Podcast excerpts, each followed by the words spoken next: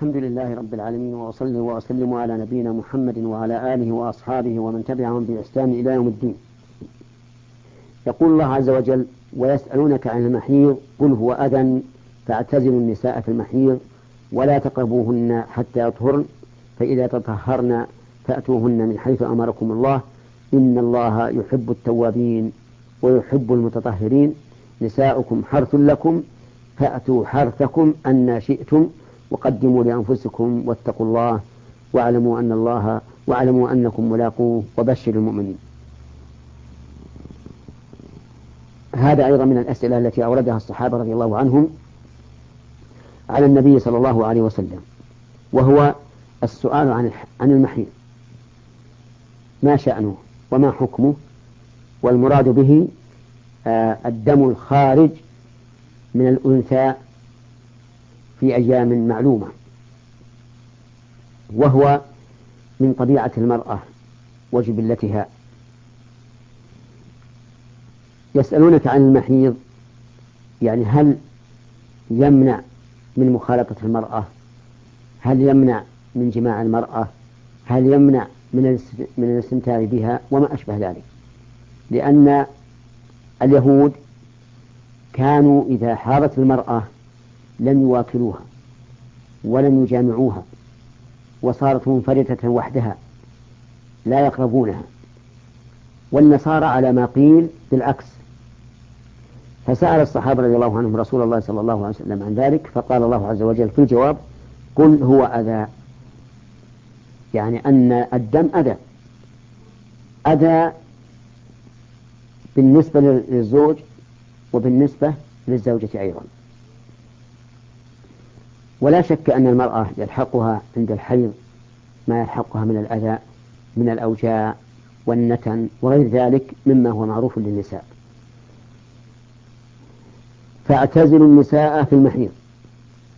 اعتزلوا النساء في المحيض آه، يحتمل أن يكون المراد في الحيض أو أن المراد في مكان الحيض. والآية إذا احتملت معنيين على السواء ولا مرجح نعم. إذا احتملت معنيين على السواء ولا منافاة بينهما فإنها تحمل عليهما جميعا. أي آه وعلى هذا فنقول اعتزلوا النساء في مكان الحيض في زمن الحيض. وسيأتي إن شاء الله بيان ذلك في في الفوائد. ولا تقربوهن حتى يطهر. لا تقربوا النساء أي بالجماع. حتى يطهرن أي من الحيض. فإذا تطهرن أي اغتسلن وتأمل الفرق بين الكلمتين. في الأولى حتى يطهرن وفي الثانية حتى تطهرن. فالأولى وصف والثاني والثانية فعل. ولهذا لم يقل فإذا طهرن بل قال فإذا تطهرن. وفسرت التطهر هنا بأنه الغسل وهو حقيقة هو الغسل لقول الله تبارك وتعالى وإن كنتم جنبا فاطهروا فإذا تطهرن فأتوهن من حيث أمركم الله. يعني ائتوهن من من المكان الذي أمركم الله أن تأتونهن أن تأتوهن فيه لأن حيث ظرف مكان. فما هو المكان؟ فسر بالآية التي التي بعدها. إن الله يحب التوابين أي الراجعين إليه من معصيته إلى طاعته. ويحب المتطهرين أي المتنزهين بالطهر من من الأذى والأحداث. ثم قال نساؤكم حرث لكم فأتوا حرثكم أن شئتم.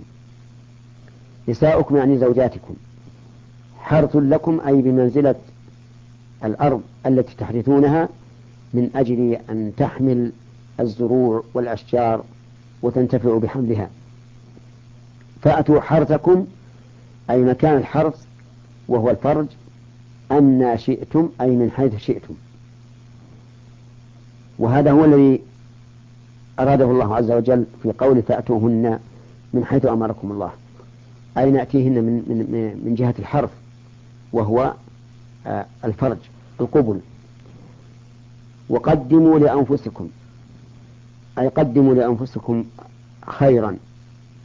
كما قال تعالى وما تقدموا لأنفسكم من خير تجدوه عند الله. ومن ذلك أن يتقي من نفسه هذا المكان أو في هذا الموضع أن يحرص الإنسان على الجماع بإنسان حتى يقدم نفسه آه، الولد. واتقوا الله أي إلزموا تقوى الله عز وجل وذلك بفعل أوامره واجتناب نواهيه. واتقوا الله واعلموا أنكم ملاقوه. اعلموا علم يقين وثبات أنكم ملاقوا الله وذلك أن الله سبحانه وتعالى سوف يلاقي العبد يوم القيامة ويقرره بذنوبه ويعترف العبد بذلك. ثم إن شاء غفر له وإن شاء عاقبه. واعلموا أنكم ملاقوه وبشر المؤمنين.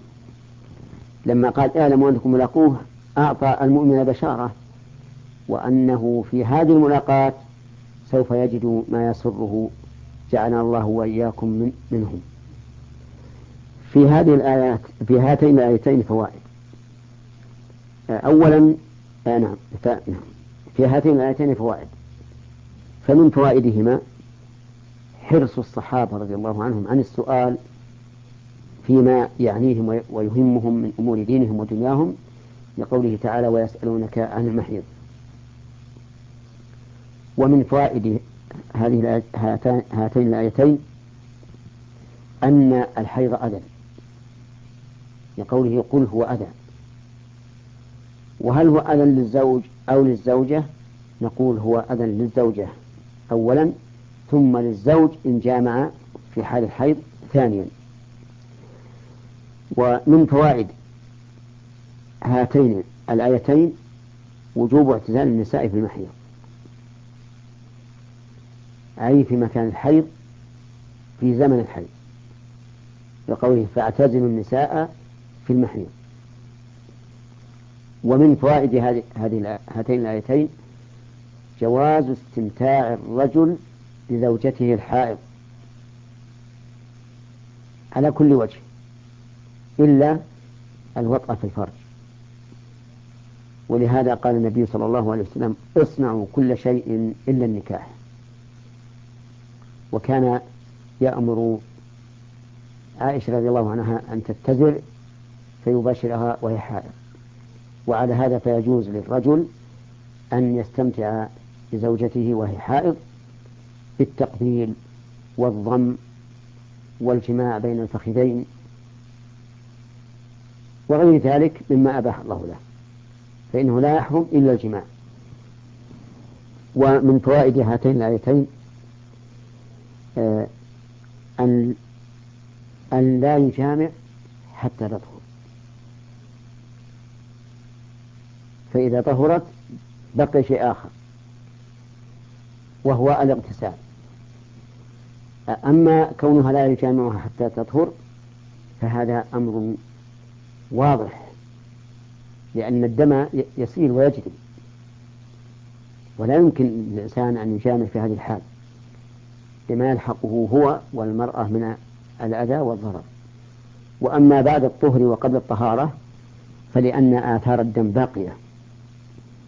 فلا بد أن يحصل تلويث ولا بد أن يرى الإنسان ما تشمئز منه نفسه من آثار الدم. وهذا قد يولد في قلبه كراهية للمرأة. ولهذا كان الرسول عليه الصلاة والسلام يأمر آه، أهله أن يتزر أن يتزرن حتى لا يرى منها ما, ما يكره. ومن فائدة هذه الآية الكريمة آه، أن أن المرأة لو استحيضت والاستحاضة هي استمرار الدم معها فإنها فإنه يجوز لزوجها أن يجامعها ولو كان معها الدم لكن في غير مدة الحيض. أما في مدة الحيض فإنه لا يجامعها. وقد أمر النبي صلى الله عليه وسلم المستحاضة أن ترجع إلى عادتها ثم تغتسل وتصلي.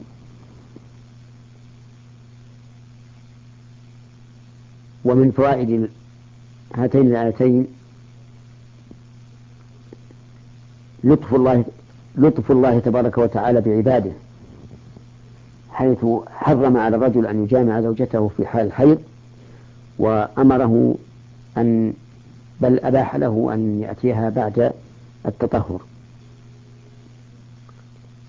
ومن فوائد الآية الكريمة بل من فوائد الآيتين الكريمتين إثبات محبة الله أي أن الله يحب ومحبة الله عز وجل صفة من صفاته المتعلقة بإرادته ومشيئته الثابتة لمن هو أهل للمحبة.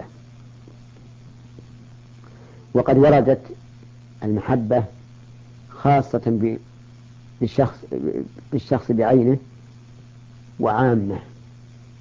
فمن خصائص فمن تخصيصها بالشخص بعينه قول قول الله تبارك وتعالى واتخذ الله إبراهيم خليلا وقول النبي صلى الله عليه وسلم إن الله اتخذني خليلا كما اتخذ إبراهيم خليلا وقول النبي صلى الله عليه وسلم لا أعطين الراية ذلك يوم خيبر.